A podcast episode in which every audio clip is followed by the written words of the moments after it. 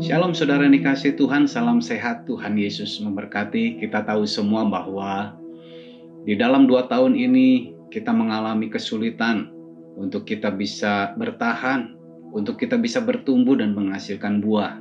Namun sebagai anak-anak Tuhan, kita harus tetap bisa menjadi garam, kita harus bisa tetap menjadi terang, kita harus bisa bertahan, kita harus bisa bertumbuh, bahkan kita harus bisa menghasilkan buah sekalipun kita ada di masa-masa sukar ini.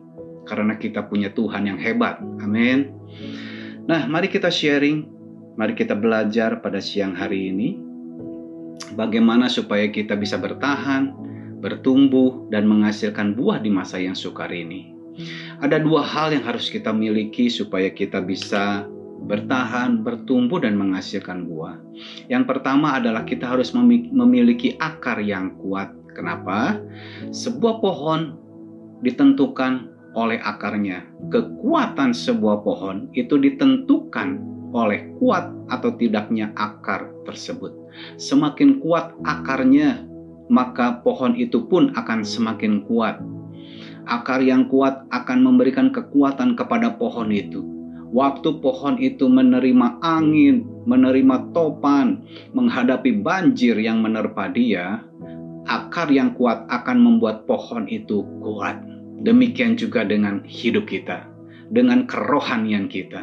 Waktu akar kita kuat, maka kehidupan kita pun akan menjadi kuat.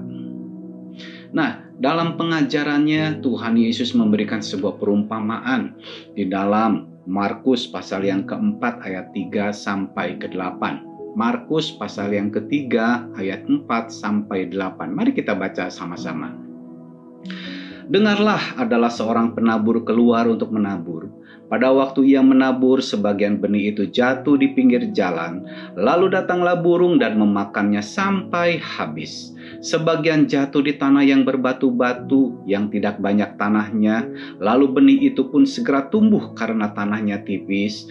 Tetapi sesudah matahari terbit, layulah ia dan menjadi kering karena tidak berakar. Sebagian lagi jatuh di tengah, di tengah semak duri, lalu makin besarlah semak itu dan menghimpitnya sampai mati, sehingga ia tidak berbuah dan sebagian jatuh di tanah yang baik, ia tumbuh dengan suburnya dan berbuah. Hasilnya ada yang 30 kali lipat, ada yang 60 kali lipat, ada yang 100 kali lipat. Di dalam pengajarannya Tuhan Yesus memberikan kepada kita pengertian bahwa ada dua macam tanah di mana benih itu bisa bertumbuh dan tidak bisa bertumbuh.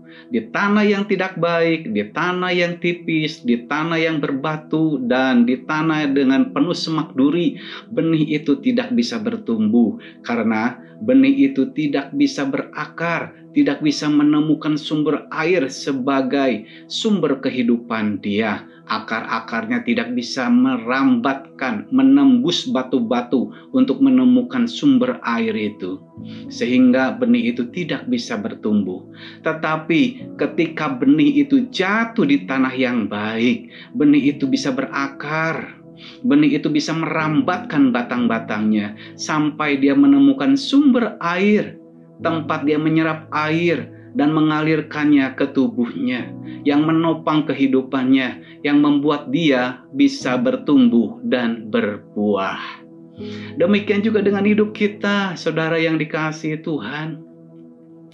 Kalau kita mau memiliki kehidupan yang kuat, kita bisa bertahan di masa yang sukar, kita bisa bertumbuh, kita bisa menghasilkan buah di masa yang sukar ini, maka kita pun harus memiliki akar yang kuat.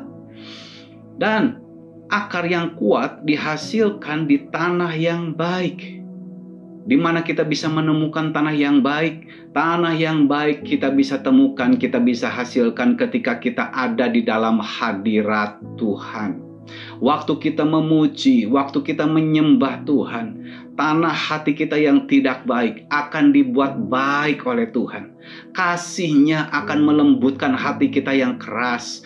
Kasihnya akan membuat tanah hati kita menjadi baik. Dan di tanah yang baik itu, akar yang ada pada kita akan bisa merambatkan batang-batangnya, akan bisa mencari sumber air kehidupan dan menyerap air itu dan mengalirkannya di dalam tubuh rohani kita yang membuat rohani kita menjadi kuat. Rohani kita bisa bertumbuh, roh kita bisa menghasilkan buah di dalam kehidupan kita. Jadi saudara dikasih Tuhan, hal yang pertama supaya kita bisa bertahan, supaya kita bisa bertumbuh, supaya kita bisa berbuah, kita harus memiliki akar yang kuat di dalam Tuhan. Amin. Dan akar yang kuat itu kita bisa dapatkan waktu kita ada di dalam persekutuan yang kuat, waktu kita ada di dalam persekutuan yang erat dengan Tuhan, waktu kita ada di dalam persekutuan yang erat dengan firman Tuhan. Jadi, saudara yang dikasih Tuhan, milikilah persekutuan yang kuat, milikilah persekutuan yang erat dengan Tuhan dan dengan firman-Nya, sehingga kita bisa menjadi kuat. Akar-akar kita bisa merambatkan batang-batangnya ke sumber air kehidupan itu dan menyerap air itu untuk mengalirkannya di dalam roh kita yang membuat roh kita menjadi kuat. Amin. Nah, di dalam Wahyu 22 ayat yang pertama dikatakan, Lalu ia menunjukkan kepadaku sungai air kehidupan yang jernih bagaikan kristal dan mengalir keluar dari tahta Allah dan tahta anak domba itu. Sumber air kehidupan itu adanya di tahta Allah. Jadi tidak ada sumber air kehidupan buat roh kita di dunia ini. Satu-satunya tempat sumber air kehidupan itu adalah di tahta Allah dan tahta Allah dapat kita jumpai ketika kita mau masuk di dalam hadiratnya, memuji, menyembah dia. Ketika kita masuk di dalam persekutuan dengan dia, ketika kita masuk di dalam doa, ketika kita masuk di dalam saat teduh, kita akan menemukan tahta Allah. Dan di sanalah kita bisa merambatkan akar-akar kita. Kita bisa menemukan sumber air kehidupan itu dan menyerap air itu, yaitu firman Allah. Saudara, Bacalah firman Allah, mengerti atau tidak mengerti, baca firman Allah itu sebagai air kehidupan buat kita, buat roh kita, supaya roh kita kuat. Seberapa besar kita bisa menyerap firman Allah, sedemikianlah nanti kuatnya roh kita dalam menghadapi berbagai macam masalah dan persoalan di dalam kehidupan kita. Amin. Yang kedua, bagaimana supaya kita bisa bertahan, kita bisa bertumbuh, dan kita bisa menghasilkan buah di masa yang sukar ini. Yang kedua adalah miliki iman yang kuat. Efesus 6 ayat 16 berkata, Dalam segala keadaan, pergunakanlah perisai iman, sebab dengan perisai itu kamu dapat memadamkan semua panah api dari si jahat. Saudara, iman yang kuat itu dihasilkan dari pendengaran firman Tuhan. Dan pendengaran firman Tuhan itu kita dapatkan waktu kita menyerap mem, menyerap sumber air kehidupan dari tata Allah. Waktu kita per, mengadakan persekutuan yang erat, waktu kita mengadakan persekutuan yang kuat dengan Tuhan, waktu kita berdoa, waktu kita bersaat teduh, waktu kita bersekutu dengan firman Tuhan.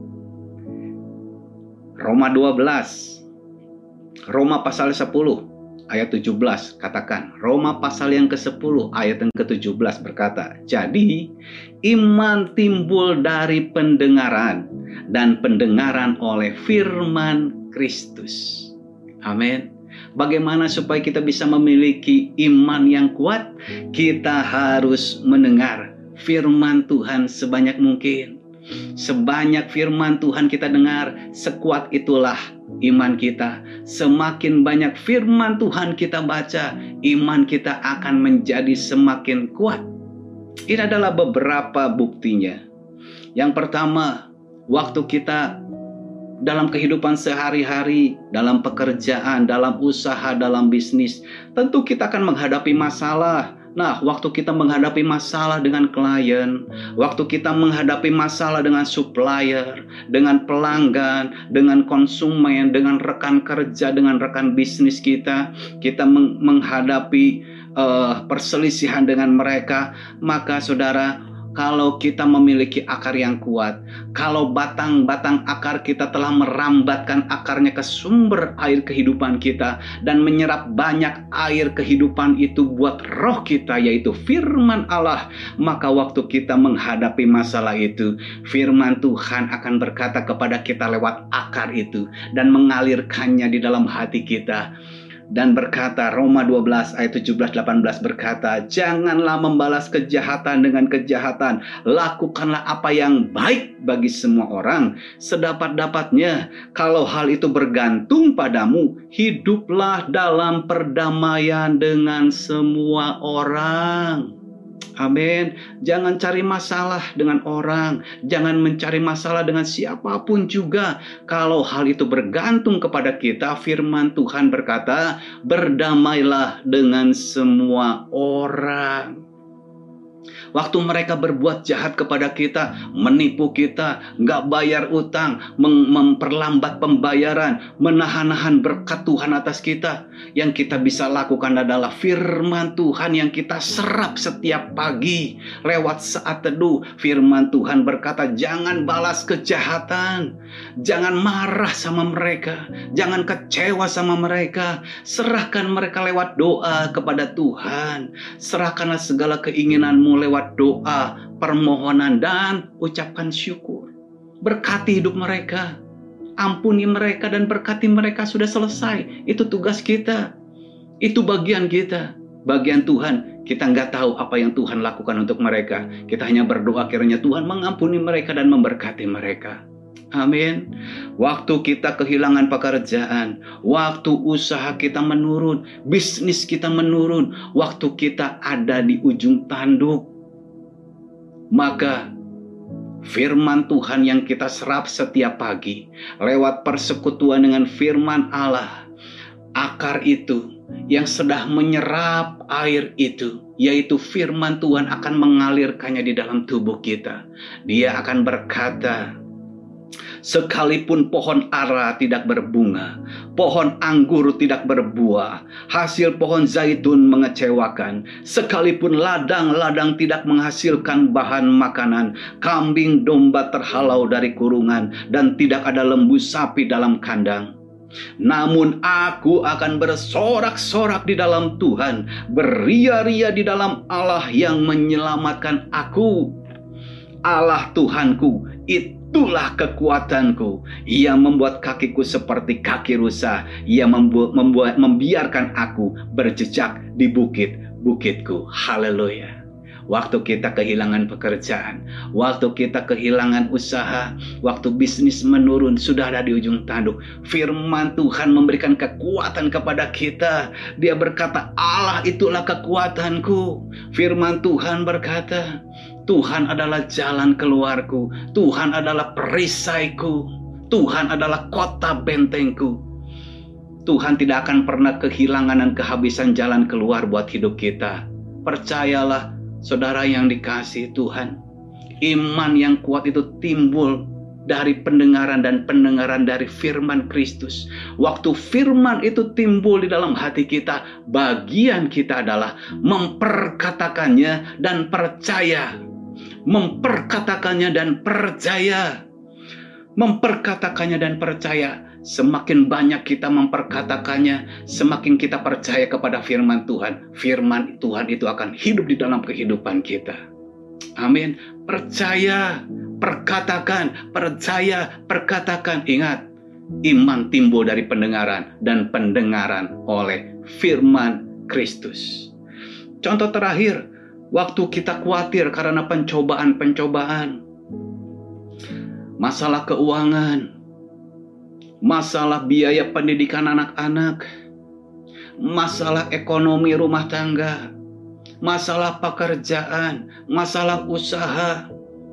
Ketika kita diterpa dengan kekhawatiran, maka akar yang kuat, akar yang sudah menyerap air itu dari sumber air kehidupan, yaitu firman Allah. Itu akan berkata kepada kita, pencobaan-pencobaan yang kamu alami adalah pencobaan-pencobaan yang biasa, yang tidak melebihi kekuatanmu. Waktu kamu ada di dalam pencobaan, Allah akan memberikan kepadamu jalan keluar sehingga kamu dapat menanggungnya. Wow. Saudara, waktu kita mendengar firman itu muncul di dalam hati kita yang dialirkan oleh Roh Kudus kepada roh kita, bagian kita adalah memperkatakannya dan percaya. Perkatakan firman Tuhan yang timbul di dalam hati kita, yang dialirkan oleh Roh Kudus kepada kita. Perkatakan itu, pencobaan-pencobaan ini tidak melebihi kekuatanku. Aku percaya waktu aku di dalam pencobaan ini, Tuhan pasti akan memberikan jalan keluar kepadaku. Amin. Tuhan pasti akan mempersiapkan satu pekerjaan yang baru buat aku yang lebih baik. Tuhan pasti akan menyediakan kepadaku sebuah usaha yang baru yang lebih baik dari yang sebelumnya. Amin. Saudara, bagaimana kita bisa mendapatkan pekerjaan dari Tuhan? Yes, Bagaimana kita bisa mendapatkan bisnis dan usaha dari Tuhan? Bisa. Lewat apa? Lewat kita persekutuan dengan Tuhan. Waktu kita masuk di dalam saat teduh, waktu kita doa, waktu kita memuji, waktu kita menyembah, waktu kita baca firman Tuhan, Tuhan akan memberikan kepada kita hikmat pekerjaan apa yang harus kita lakukan, usaha apa yang harus kita kerjakan. Tuhan akan memberikan kepada kita hikmat waktu kita bersekutu dengan erat, waktu kita berakar di dalam Tuhan. Amin, saudara yang dikasih Tuhan bagian kita adalah memperkatakan firman itu dan percaya. Perkatakan dan percaya. Semakin sering kita percaya, semakin sering kita mendengar, iman kita akan semakin kuat. Semakin kita percaya, semakin kita bisa menghidupi firman Tuhan itu. Ketika kita hidup di dalam firman dan firman itu hidup di dalam kita, firman Tuhan katakan, "Mintalah apa yang kamu mau, maka Tuhan akan memberikannya kepadamu." Amin, saudara dikasih Tuhan. Jadi, supaya kita bisa bertahan di dalam masa-masa sukar ini, bahkan kita bisa bertumbuh dan kita bisa menghasilkan buah di masa-masa sukar ini. Milikilah akar yang kuat, lewat persekutuan yang kuat, lewat persekutuan yang erat dengan Tuhan dan dengan firman-Nya. Baca dan renungkan firman Tuhan. Baca dan renungkan firman Tuhan sehingga itu merupakan menjadikan sumber kekuatan buat kita. Waktu kita menghadapi masalah kehidupan kita sehari-hari, ketika firman itu muncul di dalam kehidupan kita, perkatakan itu dan percaya, maka Tuhan akan memberkati dan memberikan kepada kita hikmat dan jalan keluarnya. Amin, saudara. Tetap bertahan, tetap bertumbuh, dan tetap berbuah di dalam Tuhan. Tuhan Yesus memberkati.